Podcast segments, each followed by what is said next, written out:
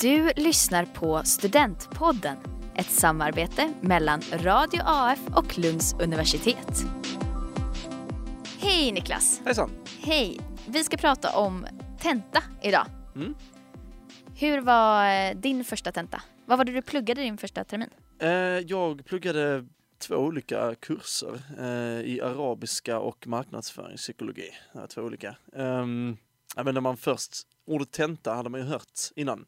Och då tänkte man, oh, det var en stor grej, så här, oh, det, vad är det för någonting mytomspunnet liksom. Sen när det väl är där så inser det att det är ju ett prov. Så Mm. tenta det är bara ett annat ord för det. Ehm, man inser att det är inte så annorlunda mot i gymnasiet, det är bara att det tar lite längre tid. Man sitter liksom i den här salen lite längre än vad man hade gjort annat. Och, ja, det är kanske ofta på en lite högre nivå, men generellt så det är det man har gjort hela sitt skolliv, så att det, är inte, det är inte som att det är någon revolutionärt annorlunda sak skulle jag säga. Ja, nej, jag kommer själv ihåg också min första salstenta. Då kände jag väl lite samma sak, att man var ju nervös innan. Men sen så var det inte en sån big deal liksom. Ja, nej, nej precis. Man När hade ju, där ja, man bara sitter där och så är det bara att svara på frågorna. Mm. Och pluggandet var ju inte heller, eftersom man har jag tyckte att när jag kom ny till Lund så var själva pluggandet var ju liksom inte så jobbigt heller eftersom det blev ens heltidssyssla på riktigt liksom. Eh, och att man inte hade så mycket annat att göra. Så då gick ju det bra liksom och då funkade ju första tentan också liksom. Mm.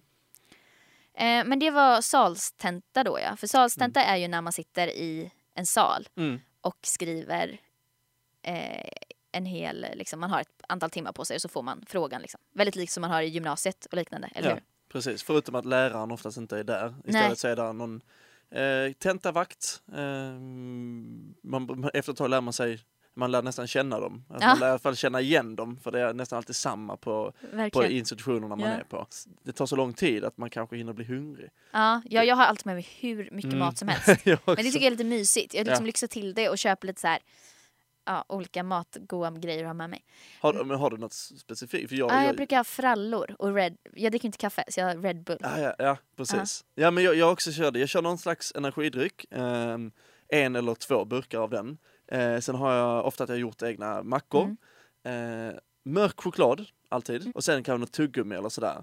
Eh, ibland har jag också lagt upp Alvedon ifall jag skulle råka få ont i huvudet. Eh, och så har jag vatten. Men eh, detta var ju då eh, eh, salstenta. Mm. Hemtenta är det ju någonting som heter också. Vad är Mm. en hemtenta? Eh, ja, då gör man den hemma helt enkelt. Ja. Detta var någonting jag tyckte var jättekonstigt när jag Mm, kom. Alltså, ja. hur kan man få, då kan man ju fuska tänkte jag.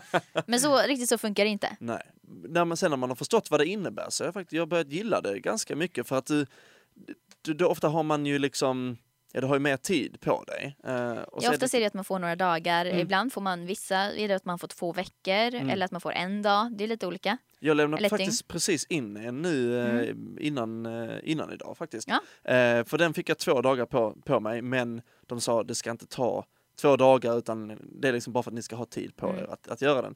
Och det var en sida per fråga, två frågor. Eh, Då fick man också, man fick ta hjälp av internet för den också och man fick ta hjälp av kursmaterialet och så. För det handlar ju om mer om att se hur du tänker än att se att du kommer ihåg exakt någon slags datum eller något sånt där. Utan det är Precis. bara du kommer ihåg det här, du har förstått koncepten. Det är det som är det viktiga, det är det du demonstrerar. Och ofta är det att man mer skriver liksom uppsatsliknande svar som är Mm. kanske då en sida per fråga. Eller liknande liksom, istället för att det är en meningssvar per fråga. Mm. Eh, ja men eh, tack så jättemycket Niklas för att du ville vara med. Ja, tack Ja, så mycket. Tack så mycket. Hej då. Hej då. Podden du precis har lyssnat på är ett samarbete mellan Radio AF och Lunds universitet.